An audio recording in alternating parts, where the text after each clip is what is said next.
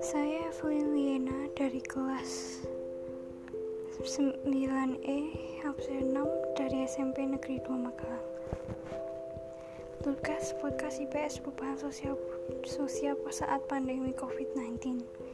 Perubahan sosial ini terjadi secara spontanis, secara tiba-tiba dan tidak merata dan tidak dikendaki kehadiran oleh masyarakat. Harus diakui bahwa dampak pandemi COVID-19 memaksa komunitas masyarakat harus adaptif. Terdapat berbagai bentuk perubahan sosial yang diakibatkannya.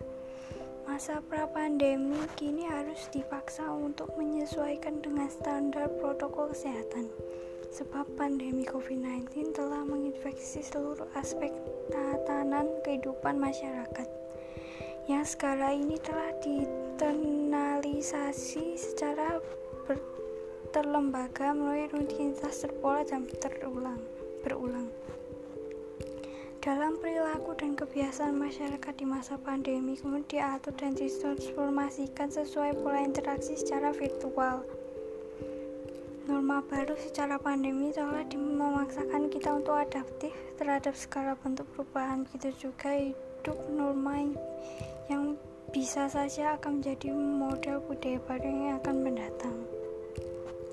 Dengan skala keterbatasan serta yang dihadapi pemerintah dalam penanganan COVID-19, pemerintah perlu untuk memahami dan mendukung metode work from home yang dijalani ASN dengan memanfaatkan media teknologi secara daring dan media lainnya sesuai dengan internet yang ada di masing-masing satuan pendidikan. Salah satu pemanfaatan teknologi adalah membentukkan kebutuhan rumah tangga melalui online shop. Kini masyarakat banyak beralih ke online shop karena memudahkan konsumen dan banyak keuntungan yang didapat dari konsumen tersebut.